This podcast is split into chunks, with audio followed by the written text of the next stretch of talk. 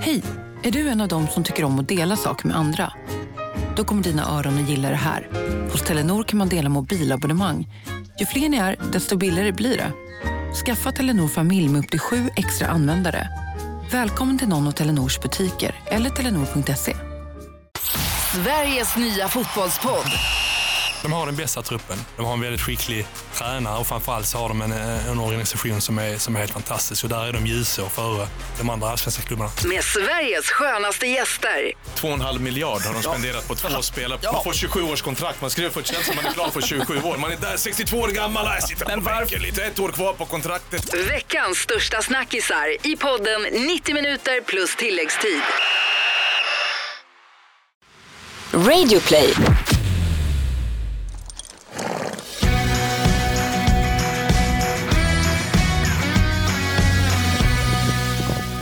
Här är podcasten Ridklubben med mig som heter Gry Forssell. Och jag heter Rebecka Lagin. Nu är det 2020 hörru. Jag vet, det är helt sjukt.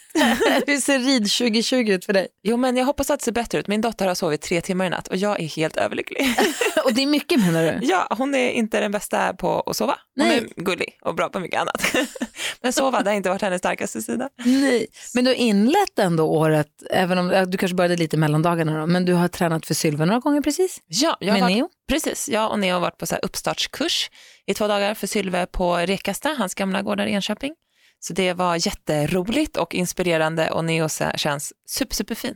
Ja, vad roligt. Ja men jättekul. Han är, jag avslutade ju också hösten med att göra ett sånt pangpass på hoppningen för haking.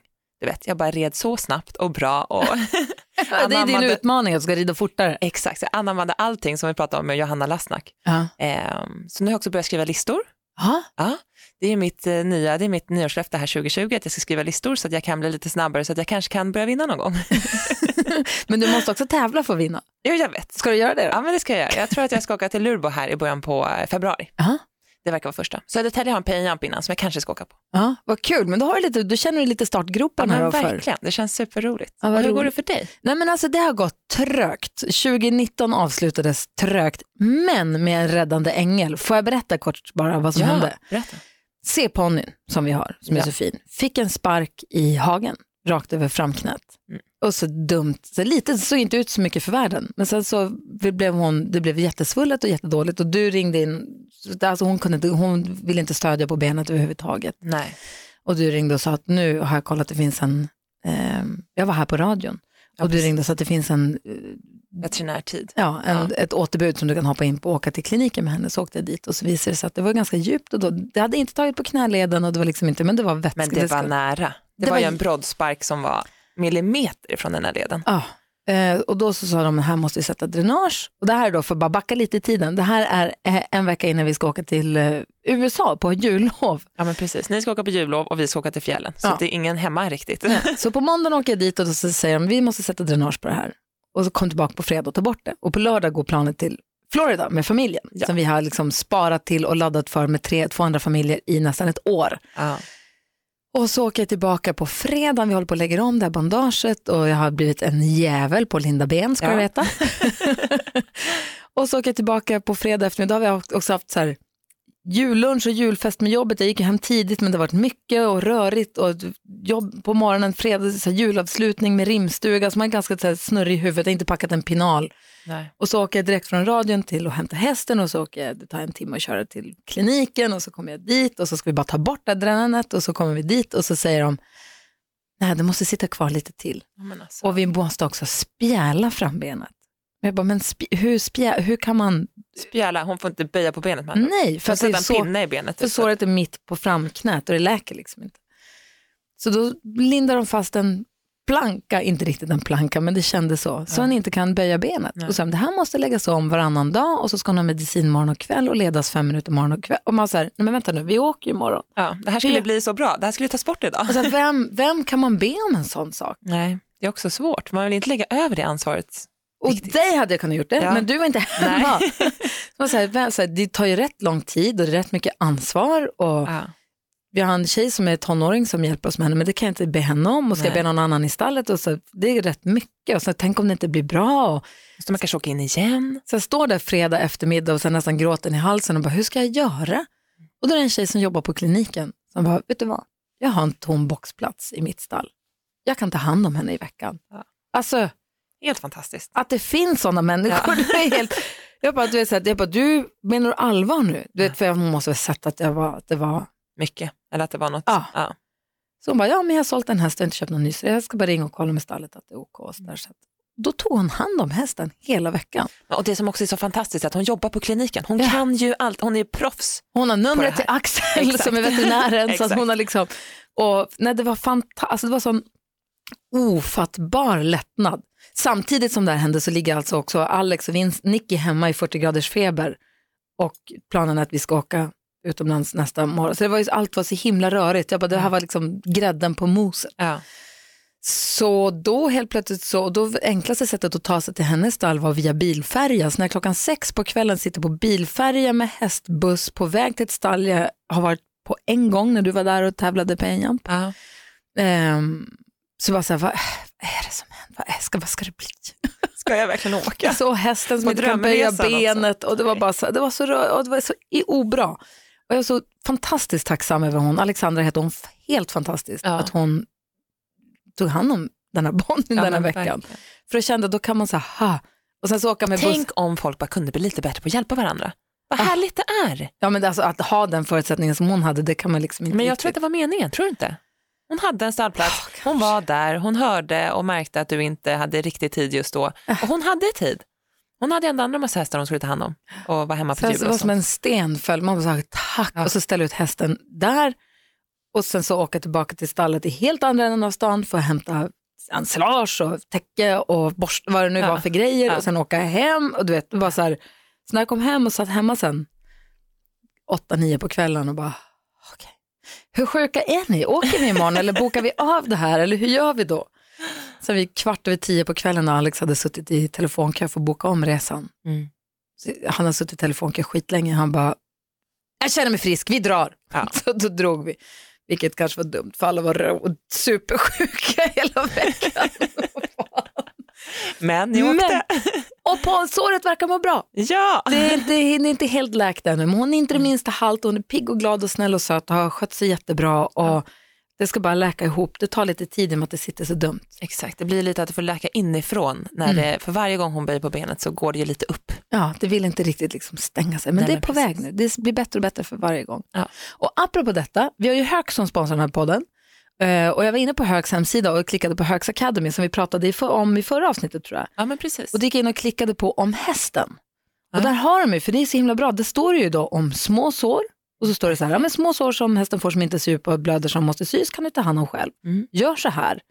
Och så bara så här, klipp gärna bort lite päls runt såret om det.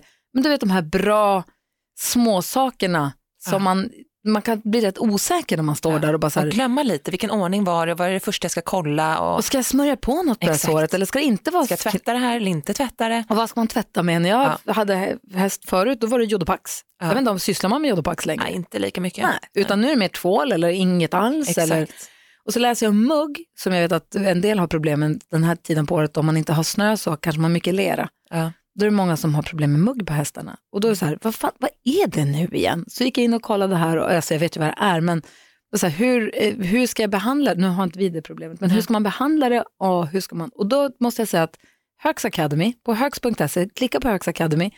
Du kan läsa allt om liksom, strålröta, hur man behandlar det, allt om foder och vatten, alltså sund hästhållning, Mm. som vi ju ska prata mycket om idag med, med Anna. gästen som vi ska träffa idag. Ja, precis. Idag så ska vi träffa Anna Stavholm. Eh, hon har ju skrivit en bok precis, Relation före prestation. Och hon jobbar ju mycket med att istället för att eh, jobba med bestraffning till hästarna, att man kanske eh, bestraffar dem till att göra det vi vill, att man istället eh, men bemöter och kanske eh, att man försöker bli kompis med hästen. Att lägger man på skänken och så händer inget så lägger man på ett man spö. Så ju inte hon. Nej, hon gör lite mer tvärtom. Och hon är lite så här mer tvåvägskommunikation, att man faktiskt kan prata med hästarna eh, och att man kan få hästen att svara. Och, och hon skriver också i början på boken att så här, lek med tanken att du vore en häst. Hur skulle du önska att, din att du blev bemött av en människa? Ja. Det är också intressant. Gärna positivt. Jätte, jag tar hellre en morot än en långpisk när jag ska gå in i lastbilen eller transporten. Verkligen. Eh, och lite så här att hon berömmer sina hästar med godis, också intressant för att vi har ju en ponny Safir på ridskolan som då skulle kanske ta med hela handen. Ja. Ehm, och lite så här, hur gör man då om ens häst blir lite nafsig eller blir hennes hästar aldrig det? Vi får prata mer om det, det ska bli jättespännande att träffa henne. Ja men superintressant. Och sen har vi också Scanbio Ja, som eh, fortfarande sponsrar vår podd och det är vi otroligt glada över. Eh, och de har ju spånpellets som man vattnar och så säger det poff så blir det fluffigt och härligt. så lägger man in det i boxen. Exakt, och de har ju processat det så de har tagit bort så mycket damm som det bara går Ja. från det här så det ska vara ja, så dammfritt som möjligt. Och det märkte jag faktiskt, jag var ute och åkte lastbil med Neo och då vattnade jag och hade i lite spånpellets och det dammar så mycket mindre än vanligt spån tycker jag. Det är skönt i, i bussen eller transporten för också då att det inte är dammigt åker och det kommer liksom luft och det är runt lite så jag tycker alltid att det är så dammigt allting. Ja. Men det är det inte längre. Gud vad bra. Jättebra, så jag kan verkligen rekommendera Scambio. Ska vi välkomna Anna in i studion? Då, Ja, kanske? det gör vi. Bra.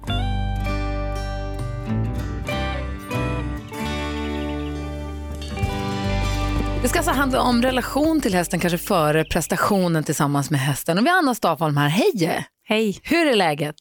Det är bara bra.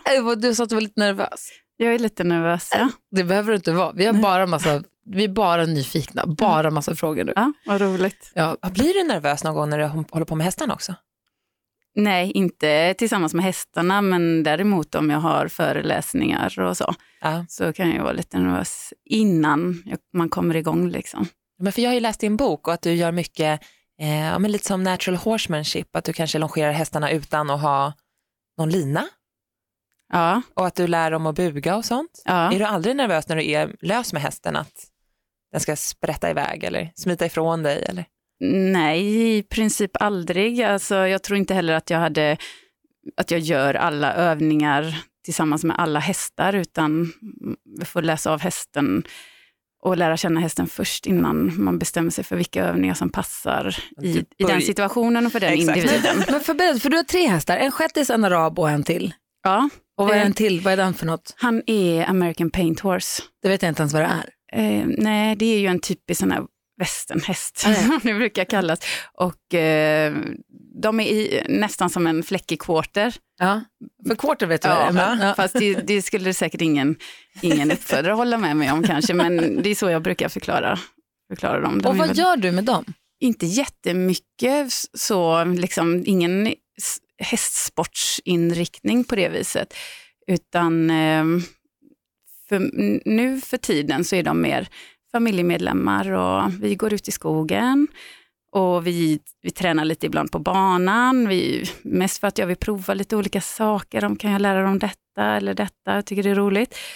Eh, vi kan träna på tricks för att stretcha och vi har en, eh, vi tränar en viss del lite grann eh, åt det akademisk, at- akademisk ridkonst. Det där måste vi prata om, för det vet jag inte riktigt vad det är heller, men det pratar jag gärna med. Men för jag försöker bara nysta ut, har du varit ryttare förut?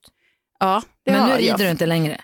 Jo, jag rider ibland. Aha. Ja, det gör jag. Ibland. Men det är mest liksom, ja, jag kanske tycker att det är roligt att hoppa upp en sträcka om vi är ute och går i skogen. Så, ja, men här skulle jag vilja galoppera.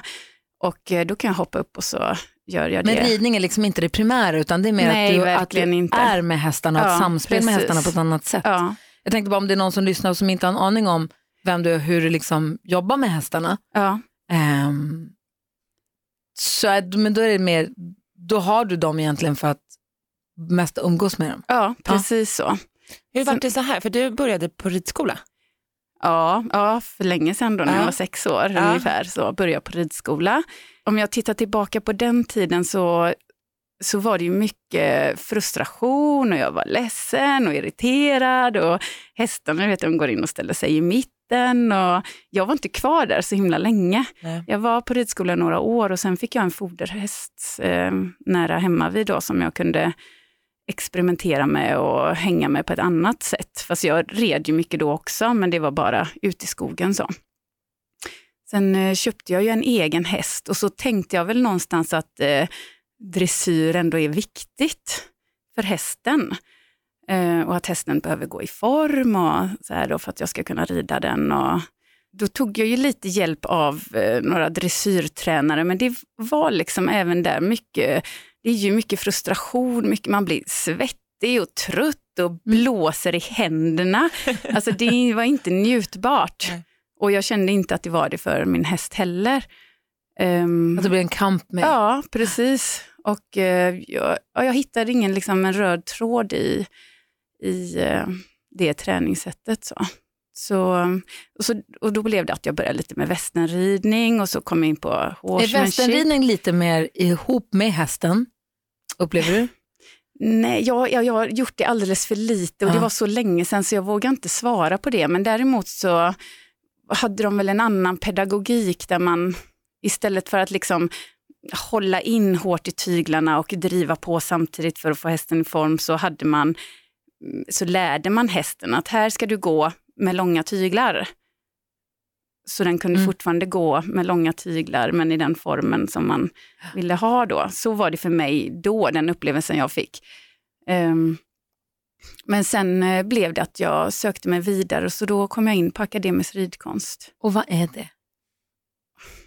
Ja, om du, förklarar, om du sitter på en middag och pratar med någon som inte håller på med hästar, hur förklarar du akademisk ridkonst? Alltså, akademisk ridkonst är, eh, det är ju en man som heter Bent Branderup som har eh, skapat den här ridkonsten, eller vad säger man? Ja, eh, som har gett namnet till detta. Och han har samlat kunskap från äldre eh, träningsfilosofier. Jag är ingen expert på exakt hur detta eh, kom till, men, ehm, men för det första så utbildar man ju hästen från marken först. Mm. Öppner, sluter och piaff och passage, allt det här lär du hästen det är inte så att du måste lära hästen det först för att kunna rida den, men, men, men det, den väg, vägen går att gå. Mm. Att du kan göra samma saker som du gör i dressyren fast från marken. Och för mig blev det en helt annan pedagogik där man faktiskt lär hästen att eh, vad den kan hålla huvudet för att det ska vara trevligt. För eh, alltså här kan du gå för här är det avslappnat och du behöver inte ha några hårda tag då för att hålla hästen i den formen som man vill ha. Men för du har också hämtat mycket inspiration från hur man är med hund, för du har hundar också. Hur man tränar ja, hundar, för jag vet att du jobbar med klickerträning så som jag har vet, vet som man, många med hundar gör ju. Ja. Men det gör du också med hästarna. Ja, jag är ju utbildad hundinstruktör och där har man ju kommit eh, mycket längre, eller man har, det har liksom utvecklats på ett annat sätt från mer dominans och tvångsträning. Så eh, tränar man istället med hjälp av belöningar för att få nå samma resultat. Då. Och eh, där har jag ju hämtat jättemycket inspiration därifrån. Men då har, för när man har, eh, vad heter det, när man gör klickerträning då har man en liten plastmojäng som låter klick klick. Ja. Och så använder man den för att ge hunden olika, det är, det är belöningen va? Ja, alltså klicken är en belöningsmarkör. Ja. Och du kan egentligen använda vilket ljud som helst, men det som är bra med klicken är att den den, man har ju utformat en liten plastdosa som ska vara enkel och bekväm att hålla i. Eh, och den låter alltid på exakt samma sätt varje gång du trycker på den. Eh, så det är lätt för djuret att eh, känna igen den här belöningsmarkören och den markerar för djuret att precis där i den sekunden så blev det rätt, nu kan du få din belöning. Hur lär man djuren att det är, för att, jag tänkte, du kan inte bara börja med att klicka och att de förstår ju inte vad det innebär. Men man får väl klicka och ge den godis eller beröm samtidigt. Precis, man lär så den att förknippa ljudet med att belöningen kommer. Positivt liksom. Ja. Att det... Sen räcker det med klick så känns det bra i hjärtat på, ja. på något vis, ja. eller hjärnan. Ja, precis, precis. Så, um, men, men det innebär ju också att eh, för att man ska behålla värdet i det här klickljudet så behöver man alltid efterfölja klickljudet med godis. För det är ju en, en myt att man sen ska kunna fasa ut godiset. Mm. Det, det, kommer man inte kunna göra. Kommer hästarna bli besvikna istället ja, den moroten aldrig kom? De ska inte bara skita i klickljudet för att godis då? Eh, nej, därför att du kan inte, jo, jo det kan du göra det också, eh, men eh, det blir inte lika effektivt. Därför att, eh, ja, men jag har lärt min ena häst till exempel att vinkla huvudet mot min hand. Ja. Så självmant lägga ögat i min hand så att jag kan torka ur ögat. Ja, skulle då, vi behöva lära Neo. Verkligen. Och, och då behöver jag belöna små, små rörelser, huvudrörelser mot min hand. Och jag skulle inte hinna med att fånga varje litet ögonblick om jag behöver stoppa handen i fickan och sen fram med godiset. Jag är väldigt många sekunder försenad då. Så att eh, inlärningen kommer inte alls bli lika effektiv. Och hur, om man vill, börja, om man vill använda klicker på sin häst? Mm. Är det också den bästa, tycker du? den positiva förstärkningen? Är klicken den bästa att börja med eller har du någon annan som man borde? Eh, eh, ja, absolut, och lära in en belöningsmarkör. Och det behöver inte vara ett klick. Det, det är himla käckt med den här dosan, som sagt var den är utformad för att man ska kunna hålla den i handen och det är ett bra ljud i den. Men du kan också använda en eh, röstsignal. Då är det viktigt att man, att man säger eh, att det låter likadant varje, varje gång. gång. du säger ja. den. Och det blir ju svårare för ibland är man, om man är irriterad, stressad eller hes, ja, precis, så kan det låta så kan det låta lite annorlunda. Men mm. jag har alltid haft, jag säger bra till mina hästar, ja. fast jag säger det, bra. Bra. så alltid bra. likadant. Bra. Och i hundvärlden ja. så använder man ju ofta yes, rätt som ord då istället. Och jag har en träningshäst nu där ägaren har valt att göra ett pussljud så det blir varje gång. Det tror jag är bättre, det blir ändå lite samma.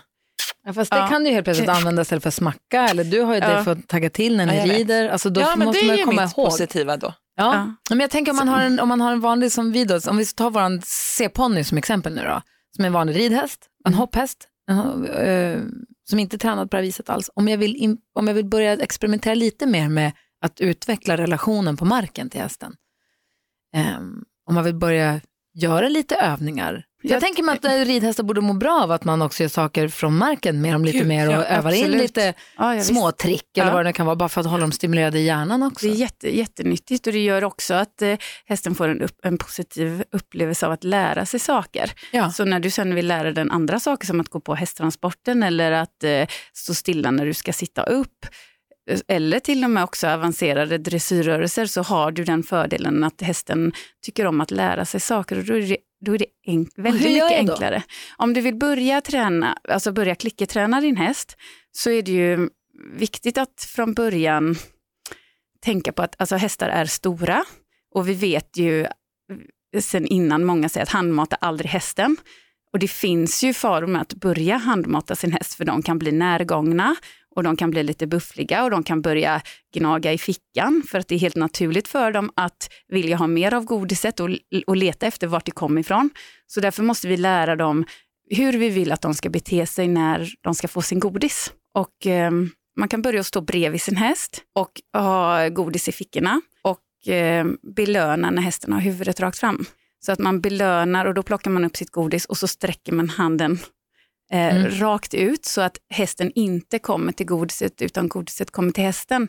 Så att man redan från början lägger en god grund där hästen inte vet, att hämta det själv. Nej, utan, precis, utan ja. vet att jag ska stå, när jag har hört min belöningssignal så ska jag stå här och vänta på att godiset kommer till mig. Så man börjar så, med att säga att man bara står och den står helt still, då klick fram med godis. Precis. Så då kommer den med huvudet mot mig, då händer ingenting. Men Nej. sen så nu vet jag fram och stilla, då är klick och fram med godis. Precis. Och om hästen och så då går där. mot mig hela tiden, är det med att den aldrig vill stå still, utan så fort då vill den gå mot mig? Hur ja. gör jag för att liksom få den att stå still? Då är det nästan bäst att börja på andra sidan av en boxdörr. Ja.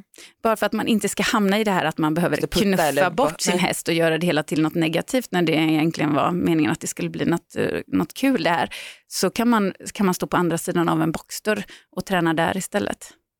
Och sen är det jättebra att tänka på i början att man inte använder det godaste hästen vet. För de går igång på det och de kan bli så ivriga så att de har svårt att kontrollera sig.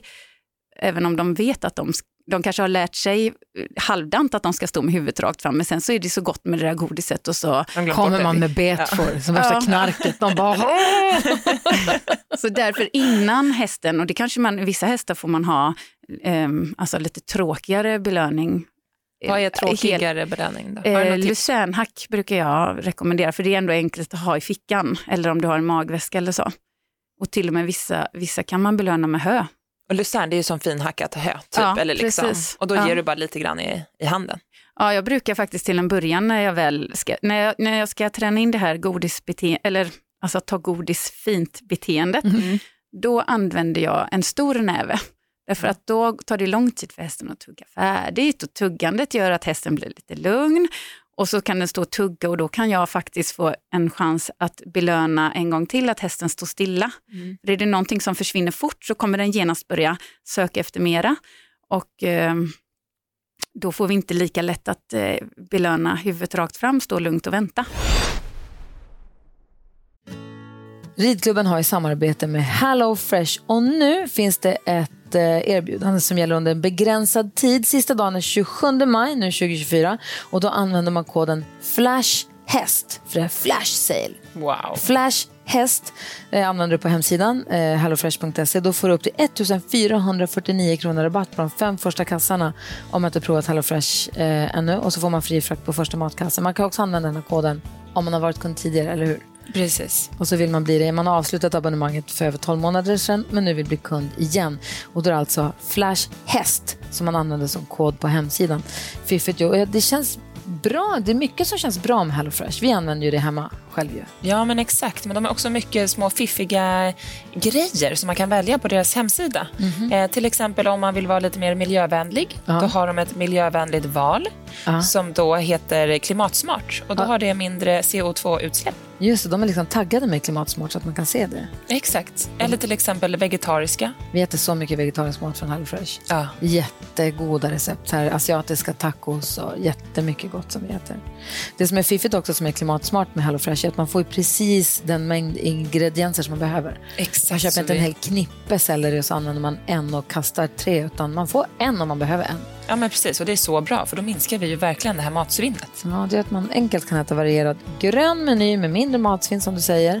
Ehm, jag tycker det är superbra. Verkligen. Så gå in på hellofresh.se och använd koden FLASHHäst och få upp till 1449 kronor rabatt på dina fem första kassar om du inte provat HelloFresh ännu. Och såklart fri frakt på den första matkassen. Just precis. Tack HelloFresh! Tack! I snålblåst, svetslågor, på hög höjd eller med tung last tar du risker varje dag. Genom att erbjuda bästa tänkbara skyddsutrustning och rätt verktyg för jobbet kan vi göra ditt jobb säkrare. Och säkerheten har aldrig varit viktigare. Så välj Swedol. För säkerhets skull! För säkerhets skull. Dåliga vibrationer är att gå utan byxor till jobbet. Bra vibrationer är när du inser att mobilen är i bröstfickan. Få bra vibrationer med Vimla. Mobiloperatören med Sveriges nöjdaste kunder enligt SKI.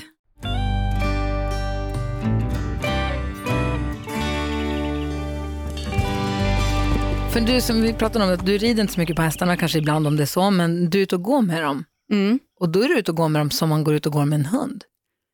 Ja, vi bor ju så pass bra så vi brukar faktiskt kunna eh, ha dem lösa i skogen. Och jag brukar inte släppa alla tre lösa samtidigt, men eh, två kan jag lösa och en har jag kopplad ifall det skulle komma en älg eller någonting. Då. Och då säger du stopp, som man säger till en hund, eller man säger stanna, eller då lyssnar man. Ja, jag har både ett eh, stanna, vänta eh, kommando och så har jag ett eh, inkallningskommando då också. Att vänd och kom till mig. Alltså, så himla häftigt. Ja. Jag vill bara hem, sätta upp staket på utebanan så att jag vet att hästen stannar där, förhoppningsvis. Men det är också, också en av anledningarna till att jag inte rider så mycket, för att jag njuter så mycket av, att, av de här skogspromenaderna och när hästarna kan gå lösa och, och de älskar ju det också. Så, och det är liksom värt mer än att eh, rida på dem, för att det är ju kul att se dem ta lite olika vägar och går upp i skogen och kommer springandes tillbaka. Och, Är du aldrig nervös att de ska inte komma tillbaka? Eller att de ska dra? Nej, det är jag inte. Nej. Kanske om jag hade haft alla tre lösa samtidigt, då hade jag varit orolig över att, inte att de, att de sticker ifrån mig för att de tycker jag är tråkig, utan snarare om de blir rädda för någonting. Och det ska man säga, det här är hästar som du har haft i liksom 17-20 år, alltså så hästar som du känner väl och har haft Ja, länge precis. och tränar mycket med, så att Ja. inte man nu inspirerar någon inte till att alla gå att ut gå med hästar dem lösa i Nej, skogen. nej. Och sen är det också jätteviktigt, som sagt, jag bor ju så pass bra att vi har ingen trafik. eh, Så här, Gry, I och så får man närheten. absolut inte ha hästar lösa i skogen. Nej. Ja, så- och det, jag har läst lite i din bok Mm. och då har du skrivit om så här, tryck som vägledning istället för eh, negativ förstärkning. Ja, Så jag tänker om man vill anamma det här i ridningen ja, och då rider vi med skänklarna. ja. Eh, hur ska man tänka då, då för att det ska bli mer positivt än bestraffning? Eh, Det, det man kan tänka på är att man eh, belönar varje tendens till att svara på en skänkel eller ett tygeltag. För att alla vi ridmänniskor vill ju ha hästen lätt för hjälperna. Ja, Alltså, precis. så är det ju. Ja, För att vi vill ju inte dra i dem och vi vill inte behöva sparka på dem. nej.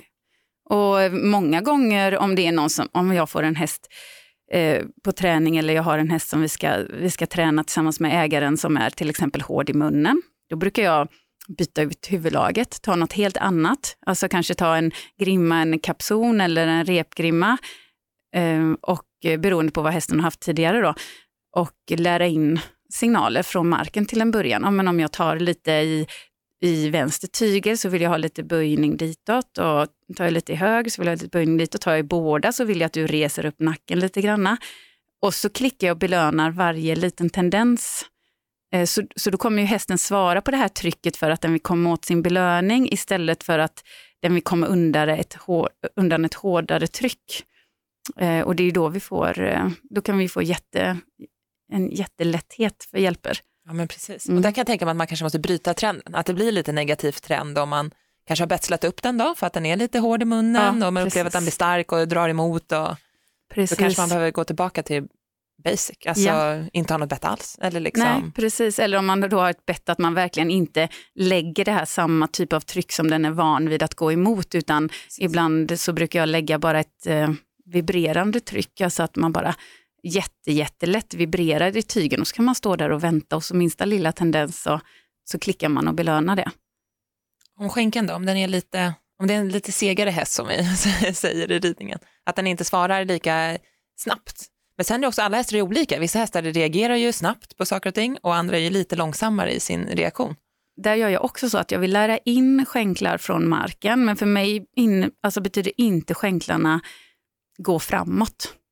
Utan då har jag in, lärt in röstkommandon för att röra dig framåt. Vad har du skänklarna till då? då? Eh, flytta bakdel. Att bara styra den mera? Ja, eller om ja. jag vill flytta in i en öppna eller in i en sluta. Eller ut ur en sluta, ut ur en öppna. Ja. Men jag tänker, det du var inne på, om man har en vanlig ridhäst och så känner man den är lite, den lyssnar inte för skänken. Jag trycker, det händer ingenting. Man måste sparka lite grann. Då kanske den är lite seg helt enkelt. Om man vill använda sig av din metodik för att ändra sig som ryttare, vad kan jag göra rent konkret då? Jag skulle nog ta och lära in röstkommandon från marken istället. Även om hästen är 12 år eller ja. den, den har blivit riden på ett och samma sätt? Ja, det beror ju på hur mycket liksom, tid och hur gärna ja. ryttaren vill det här, ja. att få detta gjort på ett positivt sätt. Ja. Men eh, antingen det eller också att man, okej okay, hästen kanske svarar så dåligt när du är på banan, men svarar på ett helt annat sätt när du är på en äng till exempel, eller när du är ute på någon sträcka där hästen tycker om att galoppera. Eller... Här brukar vi galoppera, Neo vet exakt ja. vart vi galopperar när vi är i skogen. Jag behöver ja, bara sitta och åka med. Och det där du säger. exakt. ja, och om man då säger det där ljudet som ja. du brukar säga och lägger till sen en belöning för önskat för att du fick rätt eh, svar så är det ju ganska enkelt att om du upprepar det några gånger på en plats där hästen faktiskt bjuder på det, mm. så är det ganska enkelt sen att ta med sig det. Till ridbanan? Ja, om den vet att den, om den har fått förstärkning för det, alltså om den har blivit belönad för det. Men det är också svårt att ge dem godis när man sitter och rider. Ja, du kan inte göra det i farten, men du behöver stanna och göra, du kan stanna och göra det. Som jag, där vi brukar galoppera, han får ta galopp och galopperar, ja. då stannar ja. jag honom ger honom godis. Precis. Och sen igen. Ja, ja. Så det alltså är, du galopperat klart, så, så det var perfekt. Alltså. Nej, alltså egentligen Eller? för att få, få den här förändringen på banan så behöver du nästan liksom minsta reaktion från början. Det, ja. det behöver inte ens vara galoppfattningen utan det kan vara bara att, att han ökade lite. Ja, att han ökade ja. lite så fångar du det. Ja. klickar, belönar, så att till en början så blir det ju in, inte så mycket flyt i det. Men tvärstannar efter hinder nummer ett. Ja. Tjena, godis. Ja. godis tack. Men det bygger man ju på sen successivt. Så att Vissa det... säger att man har så tre sekunder på sig att belöna hästarna, för att sen har de liksom glömt bort lite det, eller sen har det kanske kommit en ny signal. Är det så? Jag vet inte om det är exakt tre sekunder, men, men ju tätare in på det är desto bättre. Men där har du ju fördelen av din belöningsmarkör, för att den kan du ju verkligen lägga precis Eh, och då gör inget att godiset kommer nej, några Nej, sekunder. precis, för då har, den, då har redan hästen förstått att den, den, det var det här som gjorde att jag nu kommer få en belöning. Ja. Och det är därför den är så värdefull, belöningssignalen, för du kan belöna med den från ryggen, du kan belöna med den om du står och longerar och du vill bara belöna ett eh, fantastiskt steg eller att hästen har sänkt huvudet till en behagligare position så kan du klicka för det och så kan man sen skippa inspänningstyglar och så. Mm. Du pratar ibland om att, hästen, att du vill träna hästarna så att de har ett val. Att göra så som du ber dem om. Och att man vill ju helst att de alltid ska välja ja. Men att du ger dem också möjlighet att välja nej. Ja. Hur funkar det? För det känner jag inte riktigt igen från vanlig dressyrridning eller hoppning. Eller. Nej, alltså, Utan då ska det ju bli som jag säger. Där, Ja. ska, där ska man absolut inte ge hästen ett val, utan man ska visa att nu, nu ber jag om så det här och då blir det som jag säger. Men så Precis. jobbar inte du. Nej, därför att för, er- för, den, alltså för er del då, eller när man det där, då har man ju en prestation i fokus. Att man behöver prestera någonting. Jag behöver ju inte tänka på det, för jag har ju vår relation i fokus. Därför så kan jag enkelt säga, okej, men du vill inte göra detta idag, så då gör vi någonting annat.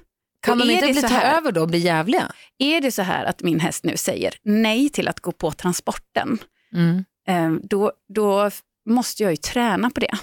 För då måste jag träna på att få hästen att säga ja. Varje gång. Ja, För sen kanske hästen har skadat sig och den måste gå på transporten. Är du med? Alltså det kan ju vara så här, ja och i de situationerna så får man ju givetvis, då får man tvinga hästen. Alltså, Ja. jag menar, så, så är det ju. De, deras välfärd går ju först så att eh, ehm, är den skadad och behöver åka transport så, så är det ju inte mycket att snacka om. Liksom. Men säg att det handlar om transporten eller något trick du vill lära den att göra någonting och den bara, nej men jag hänger lust. Nej, nej, skit i det då. Blir det inte lätt att de blir... får hästen alltid göra som den vill? Alltså grejen är att när, när jag tränar på detta viset så, så får jag ju inte hästar som säger nej.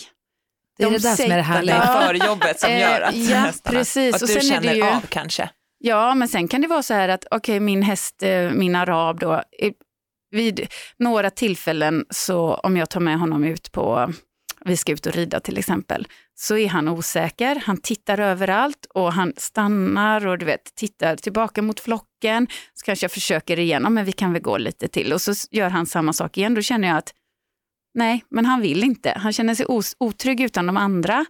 Då vänder vi hem istället. Det är inte en förlust för min del. Ehm, Man får släppa, det är inte Då- prestige utan nej, nej, precis. Så, och, så att, ehm, och att det, jag är inte rädd för att det kommer göra att han alltid kommer stanna vid precis ett och samma ställe och vägra gå. Därför att han, jag känner honom och jag vet att han oftast tycker om att vara ute och gå. Men, och, och därför så, så kan jag ju lyssna på honom de gångerna jag, jag märker att idag är han osäker, det kanske blåser väldigt mycket eller det har hänt något annat i flocken som jag inte har koll på som gör att han behöver vara hos dem, att han har sin trygghet där. Ehm, men har man, har man däremot en häst som varenda gång du ska ut och rida ställer sig där och stannar och inte vill gå, och då får man ju göra liksom en problemlösar utredning och se var, varför vill hästen inte gå. Och så får man börja nysta i det och, och börja försöka hitta hur ska vi göra för att hästen ska säga ja till detta. Jag tror att jag har gjort det här i en light-version en gång. Ja, jag hade ju en häst som vägrade lämna stallplanen. Alltså han stod på bakbenen i typ tre timmar. Han Det är ju hade... ett vanligt problem tyvärr. Ja, exakt. Och då var jag så här, "Ha, hur ska jag göra nu? Och då fick... Sälj häst. Det var typ vad alla sa. Hoppa av nu Rebecka. Och jag bara, fast jag måste ju kunna rida ur, jag kan inte bara rida ridhuset. Eh, och då gjorde jag illa mitt knä, så att jag kunde inte rida på ett par veckor, men jag kunde gå. Så då började jag gå ut och gå med honom och så, då var han också så här, då kom jag ner, vi har så här, mellan hagarna går man ner innan man kommer bort från stallet. Och då vände han alltid där nere vid hagarna och sprang hem. Alltså han stack ifrån mig. Och jag har aldrig någonsin varit med om en häst som flyr ifrån mig på det sättet när den blir rädd eller osäker. Så då började jag ha morot i fickan. Så gick jag så halva vägen så fick han en morot och så kom vi ner dit han brukade vända, då fick han en morot. Och sen så fortsatte jag så, så kunde man liksom göra lite, nu fick han ju inte en morot när han hade gjort något bra, utan mer bara för att jag ville ha med mig honom. Och sen gick det att rida ut också. När jag hade kunnat gå den här vägen några gånger så kunde jag göra det på ryggen och så fortsätta. Så Mm, det här kanske jag kan utmana lite mer och ha klicken och att jag kanske ställer mer frågor istället för att försöka muta med mig hästen För när jag tänker på hela varvet runt. det här som vi pratar om, klassisk liksom skolridning som handlar mer om att nu bestämmer jag att vi gör det här och du ska lyda mig så som det har varit eh, traditionellt eller så som det är för många. Om man börjar helt plötsligt ge hästen valmöjligheter kan det bli förvirrat? Kan man förvirra hästarna? Ehm, ja, man bör ju inte ibland genom valmöjligheter och ibland inte. Men man kan också ha, jag har till exempel en signal som betyder att nu kan du inte välja att stå kvar här och äta till exempel. Och För att eh, när vi har gräset till exempel, man kan träna på det också. Det är bara det att jag inte har lagt tillräckligt med tid på det, att man kan träna på att du kan få äta en stund och när jag säger bryt så kan du komma hit och så får du godis och så går vi vidare. Men ehm, i vissa eh, situationer så kan det vara så att min häst vill gå, gå och äta. Men jag har inte tid att stanna på vägen till och från hagen utan vi behöver liksom skynda på. Vi kanske ska in till veterinären eller ja. Eh, och då, då kan jag ha en signal som faktiskt betyder att nu har du inga valmöjligheter utan nu får du följa med. Och det accepterar de? Ja, därför ja. Att, och, och, i de situationerna kan jag använda negativ förstärkning. Mm.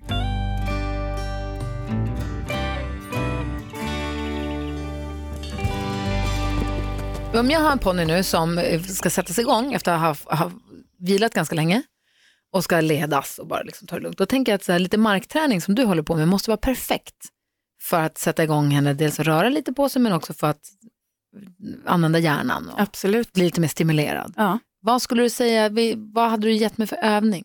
Vad hade du sagt att jag skulle göra för något? Um, var, var det under igångsättning på grund av en ja, skada? Eller? Ja. Nej, men bara precis som så första, nu ska du träna lite från marken, då borde du göra det här. Alltså det man... allra första jag hade, om vi nu ska börja med klicketräning, det är ju att lägga, alltså träna på den här eh, hanteringen, att, det faktiskt, att hästen kan stå stilla och att du kan vara med din häst med, med godis i fickorna utan att eh, hästen blir frustrerad. Och att du kan leda hästen, att hästen kan stanna när du stannar. Och man kan lägga röstkommandon på framåt, bakåt. Det finns så himla mycket.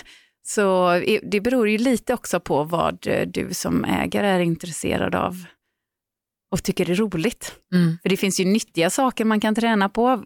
Alltså, vi kan ju träna på allt från att, som sagt innan, stå stilla i stallgången eller parkera vid en pall för att man enkelt ska sitta upp eller att stå avslappnat när hovslagaren kommer. Ja, det finns ju så jättemycket, eller bara att träna in tricks för att det är roligt och för att det är bra stretching. Och vilket trick skulle du säga då? Eh, jag har ju något som jag brukar tycka är det enklaste att börja med både för häst och tränare och det är något som brukar kallas för klassisk buga. Det är när hästen flyttar frambenen så långt bort ifrån bakbenen som möjligt. Det här såg jag, det här finns också i din bok. Ja, ja. och sen eh, sjunker ner så att de gör en sån här morgonstretch. De är hundens position typ? Är det ja, hunden? Ja, typ. det är hunden. Ja, exakt. Ja, precis. Så för det är ju en bra stretch Hur och lär du det är också enkelt att lära, eh, lära in det. Berätta. Eh, jag brukar lägga en bom eh, på marken och så lär jag hästen att stå vid den bommen med bakbenen, alltså ha bommen under magen med bakbenen jämnt bredvid varandra, mm. ganska nära bommen. Och sen börjar jag lära hästen att genom att locka hästen lite grann åt sidorna eller bjuda in hästen med mitt kroppsspråk lite grann åt sidorna så klickar jag sen för varje liten viktförskjutning i början. När hästen börjar, om jag lockar hästen åt sidan så kommer den att, att gunga lite åt sidan och skifta vikt på frambenen. Då klickar jag för det. Sen kan jag börja klicka för att hästen rör ett framben framåt och sen två framben framåt. Och i början så rör de dem lite grann åt sidan, för börjar man att locka hästen rakt framåt från början så kommer den inte att kunna hålla balansen, utan då kommer bakbenen att följa med. Så det är därför vi börjar locka lite grann åt sidan. Mm. Men sen sorterar man med tiden ut så att man belönar bara de stegen som går rakt fram. Så när man har fått en häst som sen ställer ut, som kan ställa frambenen, alltså flytta frambenen en bra bit ifrån bakbenen. Och bakbenen man, står kvar men frambenen ja, bakbenen, går framåt? Ja, du, du lär hästen är att flytta fram frambenen men stå stilla med bakbenen. Mm. Ja, så, så när hästen står i en sån maxad position så börjar man att eh, lägga lite, lite tryck, bara killtryck på bringan. Och, och eh, då ska vi lära hästen att flytta vikten bakåt utan att flytta frambenen. Mm. Det låter då, svårt. Ja, men det är ju svårt att förklara det i, Nej, i, jag, ja. i eh, nu, muntligt. Men det är, det är ganska enkelt att lära hästen. Hur lång tid tror du det tar att lära en häst i snitt? Ja, beroende på om hästen är stel eller inte, eller om den, om den har problem. Det är faktiskt förvånansvärt många hästar som har problem att stå med bommen under magen och stå stilla och vara avslappnade, så då får man ju börja där. Eh, och eh, sen är det många hästar som har svårt att stå jämnt med bakbenen att de ska lära sig att stå, för det, är- det är ju mycket enklare för dem om de står med bakbenen precis bredvid varandra. Men eh, alltså skulle, man, skulle jag träna en häst en vecka varje dag lite grann så skulle jag förmodligen lära den det på en vecka om det är en frisk häst som, är, som eh, tycker om godis. Du har en vecka på dig. Nej, men jag har sett på Instagram att de tar emot hästar över somrarna. Jag tänkte att det här är ju perfekt sommarlov. Jag skickar både Nicky och Mooney. Nicky skulle älska det här tror jag. Ja, gud. Och det, I din bok så finns det också så här hur man lär hästen apportera och spansk skritt och det finns ju massa roliga buga, massa Ja. roliga saker som man kan. Och det är ju beskrivet där, det är ju en, ganska, jag tycker ju att det är enkla steg för steg. Så men när det man, tycker jag också. Ja, Men det är lättare att se det i text också. Ja, för då kan man så här, precis. göra ett steg i taget och ja. gå tillbaka lite om man Mm. kände att man tappade tråden lite. Ja. Nej, men Mm. super Blir du nyfiken? Ja men alltså gud ja, jag vill eh, ut på ridbanan och men jag tycker det är ganska kul att, att jobba med hästarna från marken. Jag gillar ju liksom att de sker och tömkör och ut och gå i skogen. Och... Det är härligt, man får ju en helt annan uppfattning också och de är så mycket känsligare oftast från marken än, än när man rider. Ja. I alla fall i början. Mm. tycker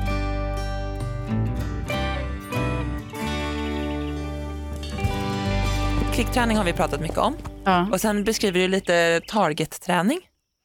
ja, och det är ju en del av klicketräningen. Alltså, klicketräningen är ju... Klicketräning är att använda godis i träning med en belöningsmarkör. Ja.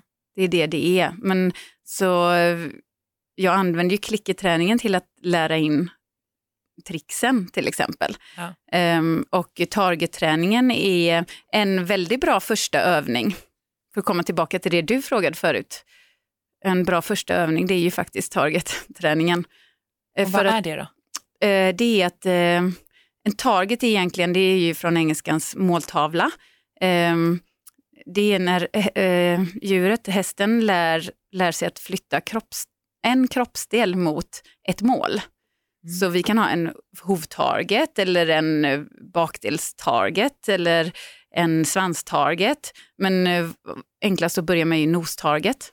Så då, då lär man hästen att att dutta på targeten, få klick och belöning. Så det är en första bra, en bra första övning att använda till att koppla det här, hur det här belöningsbaserade språket ser ut och hur klicketräning fungerar. Att jag utför någonting, får klick och så får jag en belöning.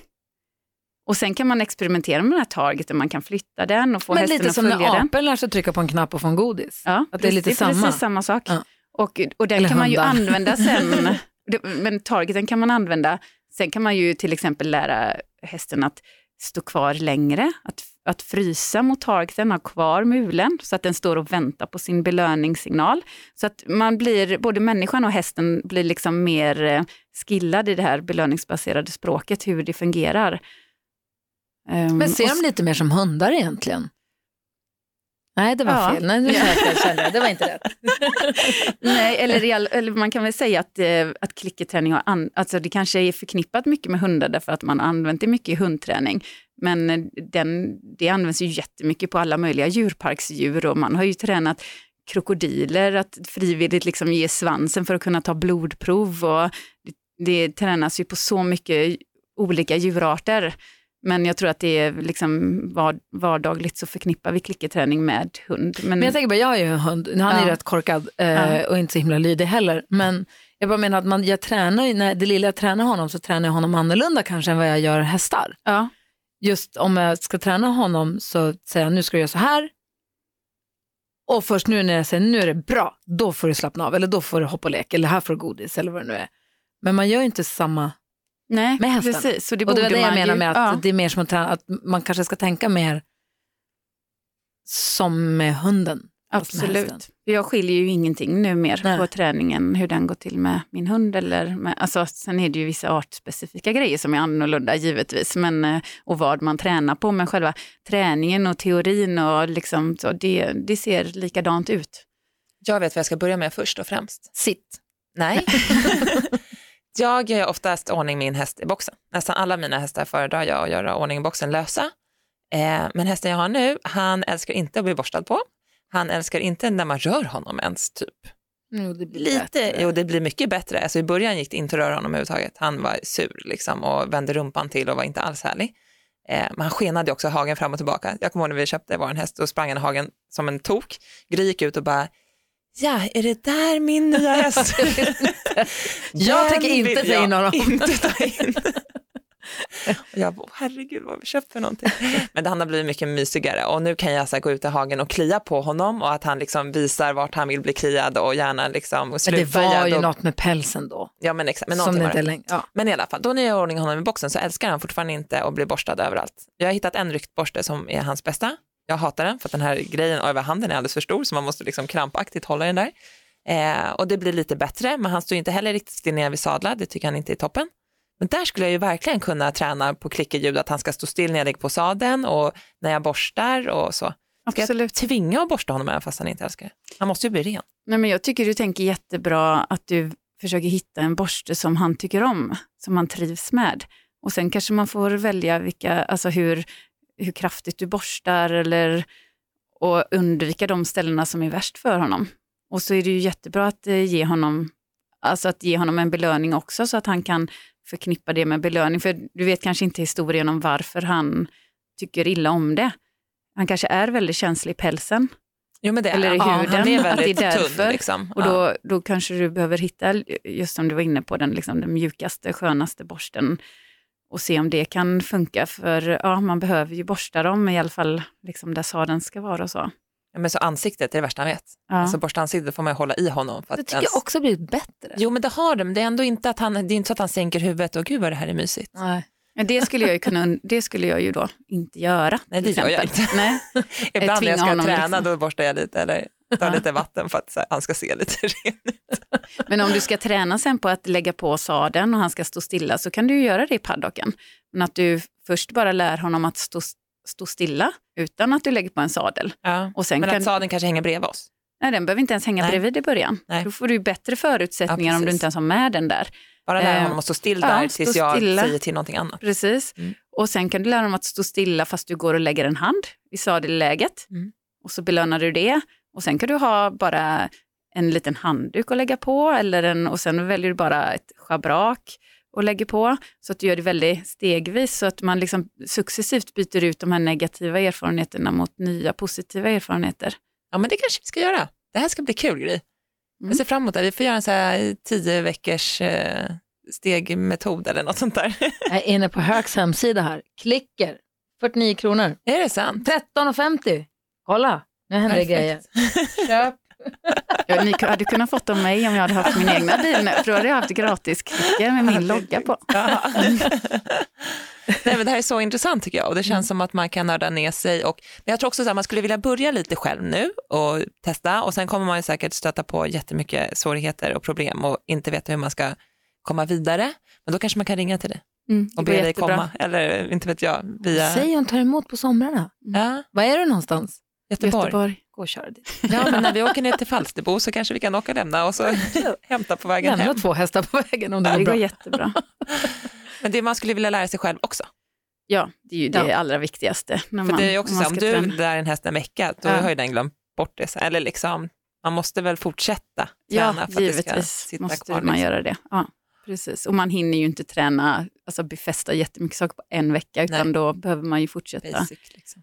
Och, och man får ju alltid lite bakslag eller det blir något, ja, händer någonting någon gång som gör att eh, det inte blev som man tänkt sig och så får du hitta tillbaka till Men- till till exempel ett stillastående igen så behöver man ju ibland backa och börja om, inte från början men i alla fall sänka kriterierna lite. Och, och, För det jag tänker på också, det du pratar om, du säger att så här, för dig finns det ingen prestation som ligger i det, utan för dig handlar det bara om relation, att du har hästen bara för relationen. Och jag tror att vi och många som kanske lyssnar på den här podden också har sina hästar för att få en prestation.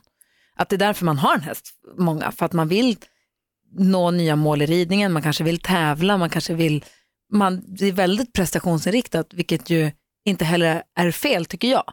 Men det kanske inte är för dig, men jag tror däremot att många som rider för prestationen också kan försöka väga in lite mer av relationen. Absolut, för det, egentligen så är det ju om du, även om du vill prestera, det är inget fel i det, absolut inte. Det som är om man har liksom ett mål som man vill nå, eh, så är det ju, svårare för oss att ta hänsyn till hästens känslor när vi har det där målet framför oss. Då vill vi kanske nå dit oavsett. Men om man lyssnar på hästen, och det var ett jättebra exempel det med, den, med borsten där. Att okay, min, min häst gillar inte att bli borstad, men då försöker vi hitta en borste som han gillar.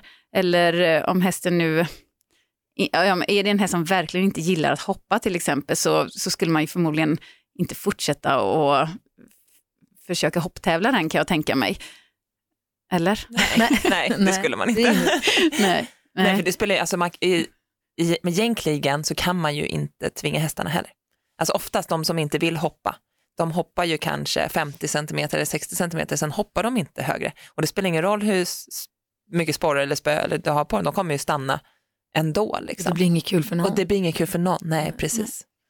Så så länge man kan även, alltså man kan ju ha mål och jag, ibland har jag ju det jag också för att jag vill ju bli bättre tränare och jag vill kunna visa mina kunder att jag kan göra det här och det här. Och, um, precis, för det blir en prestation även Ja, precis, men um, så, så länge jag kan ha de här målen uh, och samtidigt hela tiden ta hänsyn till min hästs känslor så, så funkar det ju jättebra. Och att jag kan se liksom att min häst tycker att det är lika roligt som jag så, så, så är det ju inte något fel med att, eh, att ha... Nej, precis. Nej. Vad är ditt bästa stalltips? Vad är det? eh, alltså egentligen så skulle jag säga att eh, eh, mitt bästa tips är att eh, göra inlärningen till något roligt för hästen, för det har man med sig i, eh, under, alltså i hela hästens liv, i allt umgänge, oavsett om det är att leda, transportera, alla de här liksom vardagsbitarna som ska funka och även om man vill prestera. Så gör man, gör man inlärningen till någonting som hästen tycker är positivt så, så kommer man faktiskt kunna prestera mycket bättre än om man inte gör det. Det tycker jag låter som ett jättebra tips. Verkligen. Mm. Du, tack snälla för att du tog dig tid att komma och gästa den här podden. Vi har fått så mycket inspiration känner jag. Alltså verkligen. Det är perfekt nu med Mooney som ska sättas igång efter sin lilla sårskada. Ja. Och Neo lite så här början på säsongen. Man, vi vill ju bli lite snabbare och börja vinna lite mer nu. Och det tror jag att man gör också om man gör saker och ting lite roligare. Jag skulle vilja att det såret läker helt och sen så att man kan ha henne lös i ridhuset. Ja. För där tänker jag också att man skulle kunna, om man kan ha henne lös i ridhuset, att man kan träna på vad det nu kan vara, saker, saker som hon tycker är kul. Exakt. Så att, man, så att hon får stimuleras i hjärnan om hon inte kan springa så mycket som hon skulle vilja. Ja. Kanske. Och nu när hon ja, står på box så är det perfekt att börja lära henne att hon ska äta godis, att godiset kommer till henne och att hon inte kommer till godiset. Det är jättebra och så, så tar du in en target där och man kan till och med lära hästen att välja den blå targeten. Om vi har liksom olika plastlock eller ja, man kan få dem att... En röd och blå hink så ska man välja precis, rätt hink. använda hjärnan på många olika sätt. Kul. Ska jag hem och öva? Ja, bra. Mm. Tack snälla för att du kom hit. Tack själva.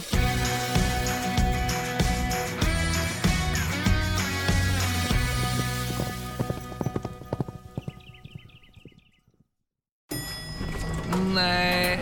Dåliga vibrationer är att gå utan byxor till jobbet. Ah. Bra vibrationer är när du inser att mobilen är i bröstfickan. Få bra vibrationer med Vimla. Mobiloperatören med Sveriges nöjdaste kunder enligt SKI.